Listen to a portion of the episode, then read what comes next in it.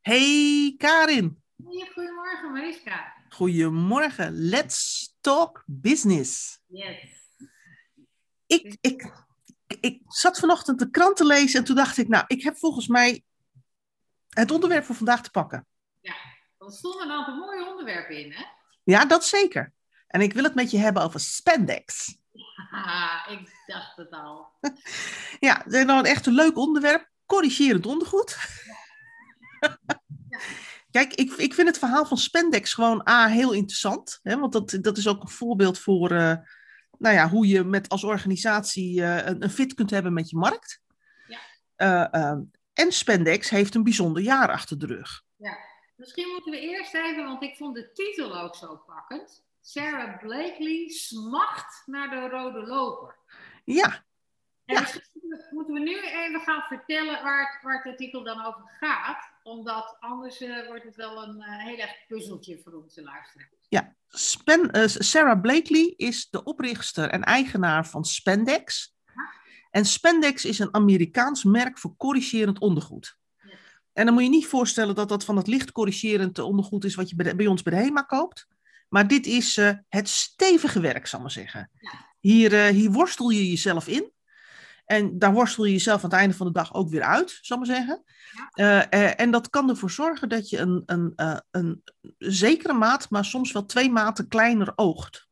Oh, echt waar? Ja, ja, ja. En het heeft een. Dan weer niet. Ik dacht wel, ja, nou, je krijgt gewoon onder een gala-jurk, hè? Want het zijn van die broeken met pijpjes, toch? Ja, maar het, het gaat helemaal, zelfs als je wil, met schouderstukken en BH's en alles erin, hè? Oh nee, echt waar? Dat is Ja, ja, ja, ja. Je kunt ze zelfs krijgen op, tot op enkellengte. zo. Wat goed zeg. Je kunt je helemaal corrigerend inpakken. Heeft veel mijn, eh, mijn kledingkast bereikt, maar dat nog niet. Nee, de mijne ook niet, maar, eh, maar, het, maar het bestaat. En ik weet ervan. We hebben natuurlijk lang in de theaterwereld gewerkt. En eh, ja, je, je doet alles voor de goede foto. Ja, En dus ook jezelf in zo'n worstelpak, zeg maar, hijsen. Ja. Ehm, En dan de gala-jurk eroveraan. en dan een gala-jurk eroveraan. Want dat is meestal van dat, van dat, van dat mooie eh, dunne zijde of chiffon. Of, of het, dat. eh, allemaal die stoffen die prachtig ogen, maar die ongelooflijk tekenen. Ja. Dus je wil geen randje, geen rubbeltje en geen afbeelding van een onderbroek in je jurk hebben staan. Dus trek je er iets onderaan wat maakt dat alles glad is. Precies. Ja, en het heeft een bijkomend voordeel. eh, eh, zeker in de, als we praten over de rode loper. Ja, ik, dit gaat even heel lekker technisch worden hoor. Maar eh, die vrouwen die zijn over het algemeen heel dun. En die spandex, ja, die, die, die zeg maar, drukt alles naar binnen. Maar dat, ik noem het maar eventjes, het lichaamsvet moet ergens heen. Ja. Dus dat duwt zich vaak op naar daar waar de randen van de spandex zit. Ja, ja, de borsten. En dan krijg je dus een decolleté. Nou top. Nou, ik moet er toch eens over weten. nou heb ik wel decolleté, maar verder gaan. Ja, maar dat is dus dat is een, zeg maar, een, een, een tweeledig voordeel. En dat maakt dat spandex heel populair is. En eh, eh, onder, voor, voor, zeg maar, voor rode lopengasten. Ja. Maar ook voor vrouwen die graag een, gewoon een maatje kleiner willen ogen. En het dus aantrekken onder hun mantelpakje of onder hun broekpak of onder hun jurkje. Als ze naar kantoor of naar een vergadering of naar een dinertje of naar een feestje gaan. Volgens mij werd het pas echt heel populair op het moment dat Oprah Winfrey erover sprak. Want dit is natuurlijk wel een artikel waar een zekere ja, geheimzinnigheid of... eh hè, we willen natuurlijk allemaal van nature zo mooi strak eruit zien in zo'n gala. Ja, ja. Dus, en dit zijn eh, van de betere geheimen voor de... Maar Oprah, die sprak daar in alle vrijheid over. En volgens mij heeft Spandex toen een enorme boost gekregen.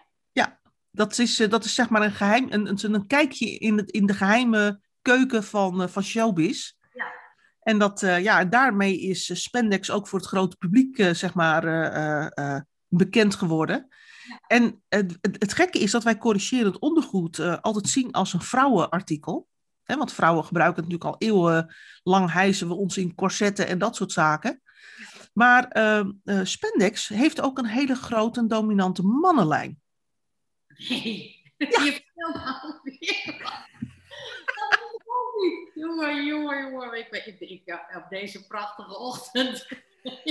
ik krijg het toch een kennis maar een mannenlijn. Vertel. Ja, nou ja, kijk, ook voor, kijk, we hebben natuurlijk bij vrouwen is het ideaal zo'n zandloperfiguurtje, hè? Nou, heb ik ook, maar dan zeg maar wat groter.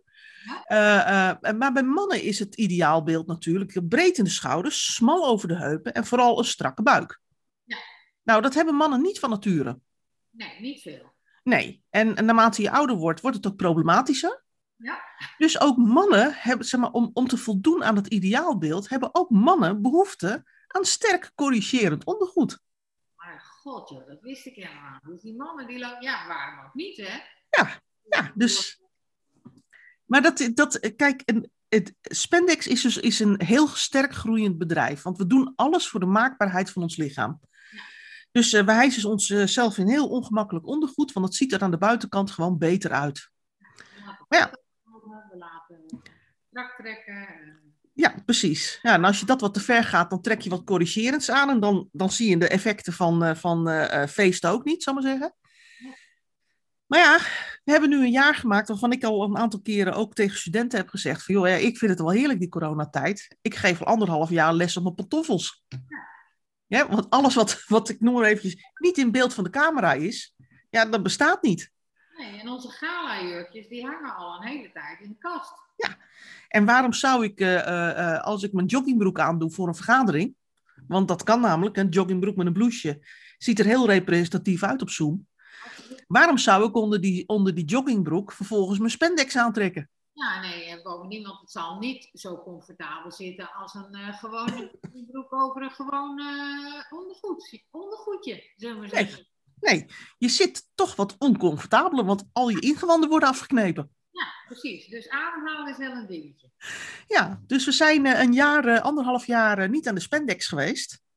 Ja, en dat is als je nou een, een organisatie hebt die draait op sterk corrigerend ondergoed, dan heb je dus wel een probleem. Ja, absoluut. En dus, uh, want nou gaan we weer wat bedrijfskundiger worden. Ja. Na de, al deze hilariteit. Zijn de corona-effecten voor uh, het bedrijf Spendex wel te voelen? Ja.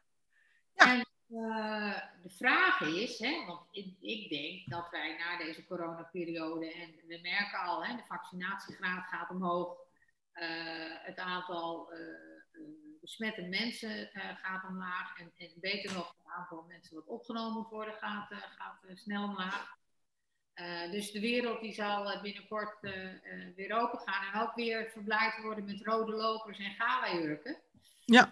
Ik, mijn verwachting is, is dat die omzet zich wel herstelt. En dus dat er sprake is van een marktverstoring. Ja, dat denk ik ook. Dat denk ik ook. Ik denk namelijk dat, dat we A, straks weer uh, verblijd worden met allemaal foto's van, uh, van celebrities op uh, rode lopers. Ja. Met, met zeg maar, de dunne jurkjes en dat moet allemaal perfect om het lichaam vallen. Ja. Ik denk zelfs dat we, dat we nog wel een, een stijging in de. Dat, dat je voor Spendex nog wel een stijging in de omzet zou kunnen verwachten. Ja, misschien wel, omdat omdat wij uh, zeg maar zo lang niet uit zijn geweest met elkaar. Hè? Want het is niet alleen natuurlijk de Rode Loper, maar ook de lokale serviceclubs uh, hè, die weer gala's en benefiets uh, houden. Dat maakt dat we heel erg willen uitpakken. En, en ja, er zijn toch ook wat coronakilo's bijgekomen. Precies. Het, het, zou best eens kunnen zijn dat dat tot een extra omzet van Spendex leidt. Ja, en natuurlijk besteden wij er aandacht aan. Dus we weten nu ook dat Spendex bestaat. Ja, ik bedoel over en dan wij, hè? Precies. nee, dus ik denk dat heel wat mensen nog wat, uh, wat uh, coronakilootjes uh, kwijt moeten. In ieder geval optisch. Ja. en dat zou wel eens een extra vraag kunnen oproepen naar, naar Spendex. Ja. Maar je bent het met me eens, denk ik, dat hier sprake is van een tijdelijke marktverstoring. Hè? Dus de dip in de omzet van Spendex en de mogelijke extra plus in de omzet van Spendex zal een tijdelijkheid zijn. En die omzet zal zich hè, stabiliseren of normaliseren. Ja. Uh, waarbij Spendex uiteraard wel uh, in een, in een groeifase uh, zat. maar de effecten van corona, hè, dat is wat we bedoelen met, met de marktverstoring, die zullen er langzaam weer uitgaan. Ja, ja, dat denk ik ook. Want, uh, want voor zeg maar, de business van Spendex is dit een tijdelijke situatie geweest. Nou, en op het moment. Nou, had jij nog een spannend bedrijf? Ja, het is een, dit is een bedrijf, ik ben even de naam kwijt, maar het is een bedrijf wat in het noorden van het land zit, ergens in Drenthe. op een plek waar je het misschien niet verwacht. en die heeft twee grote merken als het gaat over seksspeeltjes. Maar god. Ja, ik bedoel, het ene is niet sexy, dus we moeten het een beetje compenseren met iets wat wel sexy is, zal maar zeggen. Maar, maar ook in die markt van seksspeeltjes is van alles gebeurd tijdens corona. Ja. Uh, uh, er is een, een kort interview met, uh, met de directeur van dit bedrijf. En die zegt, ja, afgelopen jaar is mijn omzet verviervoudigd. Viervoudigd? Ja. Ja, want we mogen, we mogen niet meer uit. En het leven is dus niet zo spannend. Dus we proberen die spanning binnenshuis een beetje te creëren. En we zijn dus meer aan het experimenteren in de slaapkamer. Of op het aanrecht of op de eettafel. Ik weet niet waar mensen het allemaal doen. Maar in ieder geval, we zijn wat avontuurlijker geworden als het gaat over uh, de intieme relaties binnen je eigen bubbel. Ja. En als je dat dan zou moeten kwalificeren, Mariska, hè? zeg je dan, ja, maar dit is ook een, een marktverstoring, een effect van de coronacrisis? Of zie je daar toch ook andere zaken die meespelen? Nou, ik denk dat het in eerste instantie een marktverstoring is. Hè? Want uh, uh, we, we zitten opeens in een, andere, in een andere situatie. En dat betekent dat we andere vormen van plezier zoeken. Nou, ik denk dat hier ook een marktverandering achter zit. En dit zal ik uitleggen. Uh, ik, denk, ik, denk dat het te maken heeft met twee zaken. De eerste is, als je in deze periode het avontuur bent aangegaan om seksspeeltjes te kopen, en het bevalt je, hè, laten we dat even vooropstellen, dan zal dat leiden tot herhalingsaankopen. Ja. Ook, ja, nou ja, ik bedoel, hè, meer, zal maar zeggen. dat, en dat betekent dat je meer varianten wil, dat je misschien, uh, dat er iets stuk gaat wat je wil vervangen. Ja. Maar als, het je als je nu hebt geëxperimenteerd en het bevalt je, ja. dan zul je de seksspeeltjes niet meer afschaffen. Nee, dan wil je meer en ook anders. Ja, dan wil je avontuurlijk blijven, zal maar zeggen. En het andere is, en, en dat is wat ik ook zie in, in die, in, tenminste wat ik denk te zien, hè, nogmaals, ik ben geen specialist in deze branche, maar hè, wat ik denk te zien, is dat we met elkaar toch gemakkelijker praten, uh, uh, lezen, schrijven, ervaren op dit gebied. Ja, de preutsheid neemt wat af. De preutsheid neemt wat af. Hè. Denk eventjes, uh, ik, ik denk dan met name aan, aan de jeugd, ja. die digitaler is dan wij zijn, onze generatie is. En wij waren alweer digitaler en, en meer aangesloten en meer taboe doorbrekend dan onze ouders. Dus voor, ik noem maar eventjes mijn kinderen, is er al veel meer openheid over bijvoorbeeld plezier aan elkaar beleven dan er was in mijn studententijd. Ja, dat klopt. Maar er zit toch ook wel een nieuwe preutsheid op. Want toen, toen ik studeerde, was het toch ook wel gebruikelijk dat je Tenminste, als je een bikini-top droeg op het strand, dan was je even een uitzondering. Ja. Het was, het was gewoon te doen gebruikelijk dat je topless zonde. Nou, als ik nu naar mijn dochter kijk en dat vertel, nou, die kijkt maar alsof, ik, uh, alsof we gewoon een volkomen idioot waren in de jaren 80, 90, zeg maar. Ja, nou ben ik het daar wel een beetje mee eens dat wij voorkomen idioot waren. Maar dat had niks met, met monokinies te maken, maar meer met enorme schoudervullingen. Dat, als ik die foto's terugzie, dan denk ik, we waren ook niet echt heel erg lekker bezig. Nee, en dat getoupeerde haar. Dat zal ik je ook nog eens even laten zien. Dat, dat bedoel ik. Dus echt heel lekker waren we niet bezig. Nee. Nee, ik ben het wel met je eens dat we zeg maar, uh, aan de ene kant een nieuwe preutsheid hebben, maar aan de andere kant ook veel meer openheid je kon het toch in onze studententijd niet voorstellen dat in een respectabele krant als de Volkskrant of de NRC elke week een artikel stond over seks. Gewoon over seks, seksuele relaties. Maar dat gebeurt nu wel. Dus er is ook veel meer openheid over, over seks, over wat seks inhoudt, over uh, hoe je plezier beleeft. Nou, in, dat is dan zeg maar even richting onze kinderen. Maar als ik praat over onze generatie, ja, wij lezen, wij lezen die kranten waar die artikelen in staan. En wij zijn de afgelopen, ik weet, ik weet niet precies wanneer het boek verschenen is, maar we zijn natuurlijk als doelgroep, in, als laag in de samenleving, enorm beïnvloed door het verschijnen van het boek Fifty Shades of Grey. Ja. En dan kan het een boek zijn wat je aanspreekt of niet. Je kan het gelezen hebben, ja of nee. Maar het heeft wel een enorme discussie gaande gebracht over hoe gaan we om met seksualiteit en wat is er allemaal nog meer mogelijk dan alleen, uh, zeg maar, uh, zij onder en hij boven? Ja. ik, heb, ik heb vorige week met mijn, eh, met mijn man, eh, volgens mij was het op Netflix, kan ook op Amazon zijn geweest, een film gekeken die heet The Book Club. Ja, geweldig. En dat is een film waar actrices in, zeg maar in hun 60, 70 jaren samen met een boekclub The Fifty Shades of Grey lezen en opeens een boost geven aan hun seksleven. Ja. Dit zijn ontwikkelingen die hebben niks met corona te maken. Nee, dat klopt. Maar uh, denk je dat, uh, want Fifty Shades of Grey, dat was al voor corona. Maar denk je dat uh, dat, dat zeg maar een sentiment is wat, wat door de hele samenleving gaat, of gewoon een bepaalde doelgroep? Nou, ik denk dus dat er voor verschillende leeftijdscategorieën verschillende effecten zijn die maken dat we meer open zijn over seksualiteit en over plezier hebben aan seks.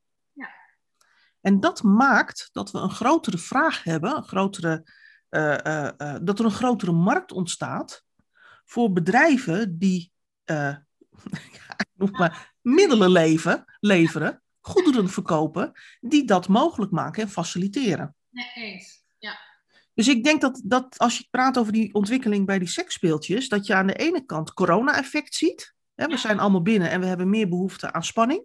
Nou, laten we dan eens wat uit gaan proberen. Maar dat er ook een onderliggende trend onder ligt, die maakt dat die markt groeiende is. Ja, en dan, zou, dan hebben we het over een marktverandering. en het lastige bij deze marktverandering is dat die, omdat er ook een marktverstoring op zit, dat je soms de marktverandering niet ziet. Nee. En als je dan kijkt naar dingen als bijvoorbeeld die nieuwe preutsheid, als we praten over bijvoorbeeld hoe we ons op het strand kleden en gedragen, dan zou je al heel snel tot de verkeerde conclusies kunnen komen. Nou, kijk, daarom noem ik het ook even. Hè? Ja. Omdat dat ook een beweging is die je ziet. Uh, uh, maar tegelijkertijd zie je ook dat veel meer uh, zaken normaliseren. Dus ehm, zaken die, die vroeger niet besproken werden, er wel waren, maar niet besproken werden, ja, dat, dat, dat kan nu allemaal besproken worden.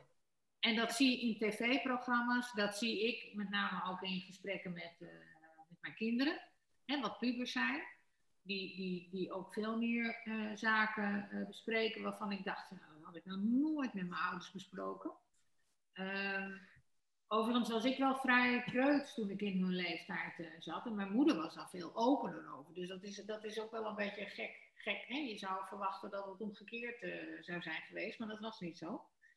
Uh, dus ik ben het wel met je eens. Ik denk ook dat er, uh, dat er een marktverstoring zit, maar dat die marktverandering, en dat is wel interessant om, om te volgen, wat nou het effect is van de marktverandering die wij denken te zien.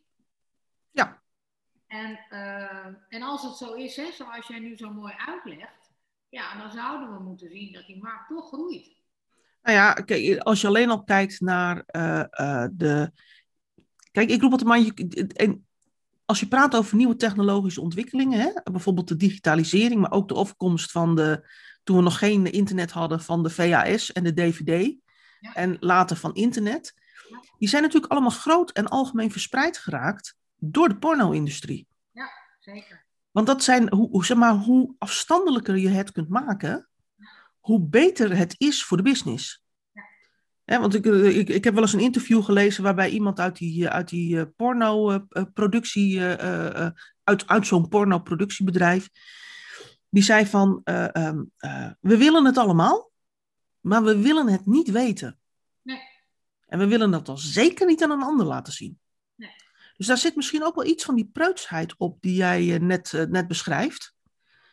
Uh, um, maar het is over het algemeen, hè, als je nou een nieuwe technologie hebt en je, en je wil het graag uh, algemeen geaccepteerd hebben, dan is het voor heel veel dragers heel belangrijk om de porno-industrie achter je te hebben.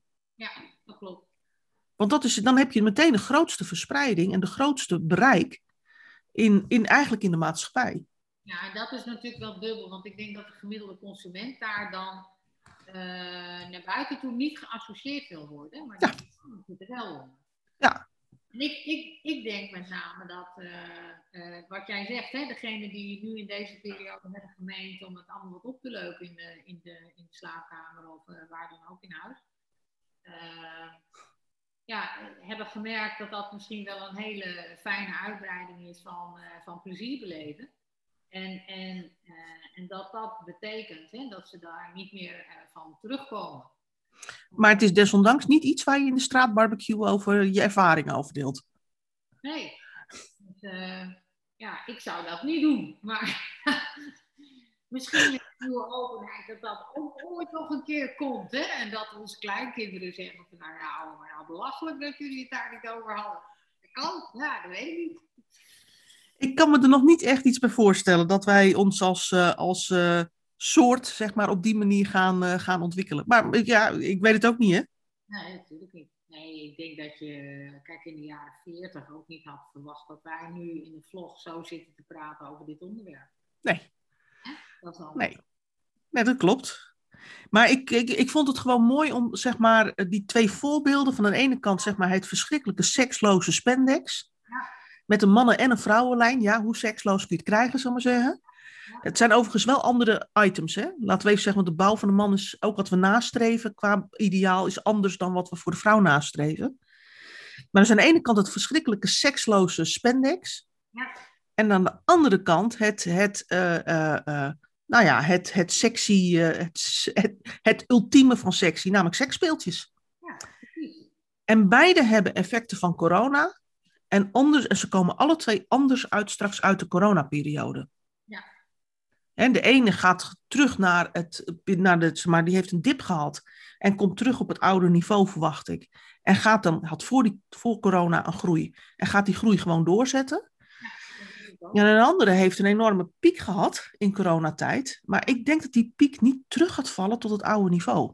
Nee, dat daar wel een, een, een constante groei in gaat zitten. Hè? Die gaat wel terugvallen, iets. Maar niet tot naar hetzelfde niveau als het was voor corona. Exact. En dan gaat vanaf dat moment de groei uh, meer gestaag plaatsvinden. Ja, ja. Maar wel met een, het, het, het, um, met het aansluiten van een compleet nieuwe doelgroep.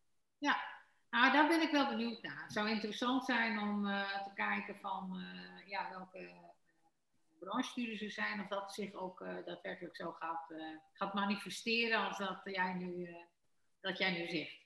Ja, overigens is het ook wel leuk in het interview, merk je ook dat die man van die seksspeeltjes, trouwens ook Sarah Blakely, hè, dat zijn wel echte ondernemers. Ja, zeker. Ik geloof dat zij met Richard Branson, zij heeft hoogtevrees, maar dat zij via een touwladder in een luchtballon is geklommen om daar met hem thee te gaan drinken. En dat Branson verzuchtte van, wat heeft die vrouw moed?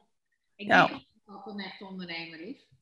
En ja, dus ik, ja, ik vind het wel mooi dat ze van zo'n zo'n seksloze iets, hè, eigenlijk een necessity, wel met een beetje hulp van, van OFRA en ons, hè, nu. Laten we, ja, laten we jou en mij toch ook niet uh, uit, uitstrepen.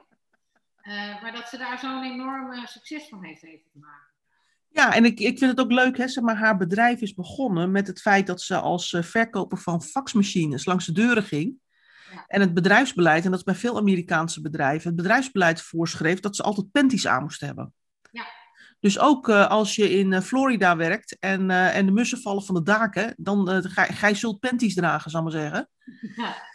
En dan doe je wel een kort rokje aan en open schoenen. En dan zit je met de meeste panties van die verschrikkelijke rare teenstukjes die erin zitten. Heel lelijk. Ja. En zij is dus begonnen met het afknippen van haar panties. Ja. En uh, ze schrijft dan ook in een van haar, uh, in een van, haar, van de vele artikelen die over haar verschenen zijn, ze, doet ze dan ook de uitspraak van ja, panties is een mooie uitvinding, uh, maar ontwikkeld door mannen. En mannen passen die panties, proberen die panties uit op paspoppen. Ja. Ja, die geven geen commentaar. Nee. En ik weet uit ervaring, ik ben, je weet, jij weet het zeker, maar ik denk de luisteraars niet, ik heb een hekel aan panties. Ja. En ik draag in principe alleen maar panties als de temperatuur minus 5 graden of lager wordt. Omdat ik er zo'n verschrikkelijk bloedhekel aan heb. Ik vind het ook altijd, het is altijd een, een, een, zeker omdat ik het niet vaak panties draag. Ik druk er altijd eerst, vier stuk, zal ik maar zeggen. Bij het ophijzen druk ik mijn duimen erdoor. Nou, dan is het klaar, einde oefening. Dus ik, ik, ik, ik heb zeg maar zo'n ook zeg maar ervaring en beeld bij, bij deze uitspraak En ik kan me dus voorstellen dat als je ondernemer bent, en ook in, in deze sfeer, dus echt in de product, uh, productsfeer, dat je zegt, hier, hier, zit, hier ervaar ik een irritatie op een product en dit kan ik beter maken. Ja, maar zij heeft eigenlijk een, uh, een, uh, van een uh, nadeel een voordeel gemaakt. Hè? Ze heeft toen gezegd van nou, dat is die, die afgeknipte panty, waardoor er zo'n broekje met puikjes overbleef. Nou, dat heeft wel een voordeel, want hè, ik zit wat strakker in mijn rok. En, en zo is het idee geboren. Ja. Man noemt haar een combinatie tussen Lucille Ball en Einstein. En dat vind ik wel een mooie... mooie want die Lucille Ball, ja, dat, is toch wel één. Ik weet niet of onze luisteraars die nog kennen, maar het is voor de aardigheid wel grappig om die eens te, te, te, te googlen. Hè? Lucille Boller is die chaotische huisvrouw. Ja. Die, uh, die, die, die, volgens mij in het echt ook zo was. Want van, van haar gaan verhalen uh, de ronde dat ze op weg naar een of andere gala of chic diner... Uh, mooi in een jurk en schoentjes in de auto zat, maar de juwelen was vergeten. En dan stopte bij een, bij een speelgoedwinkel om daar een kettingje te halen. dat vervolgens gewoon weer de gala-jurk komt. Maar dan wel een spendexje eronder. ja, het is, het is, het is maar Lucy Bol is dan toch een beetje het, het idee van een hysterische huisvrouw. Ja. En Einstein uh, van een uh, chaotische wetenschapper. Dus die, die combinatie is ook wel. Uh, nou ja, ik, het is een groot bedrijf, hè, Spendex. Ja. En het zal gezegd worden over je CEO. Nou ja, ik denk dat, dat de uh, grote ondernemers, of, of, ja, het zijn toch altijd wel bijzondere mensen, ondernemers. Hè? Ja. Ze hebben passie, ze hebben, ze hebben altijd iets aparts. Het is niet de, de, de, de gemiddelde mens. Kijk naar ons. Ja, Wij, zijn, wij zijn ook een beetje vreemd. ja nou ja, We kunnen het zomaar in een podcast hebben over spandex en seksspeeltjes. zo is het. En weet je wat leuk is? Voor Nou? normaal. Ja, dat maakt het uh, juist ook zo bijzonder voor de meeste mensen. Ja. Nou, volgens mij moeten we hem nu een beetje gaan stoppen, want uh, we gaan, uh, gaan, we gaan uh, afslagen maken, zal ik maar zeggen. Dat is een ander programma. Precies. Ik spreek je graag de volgende keer. Ik vond het leuk. Yes, Dankjewel. yes. Oké, okay. doei doei.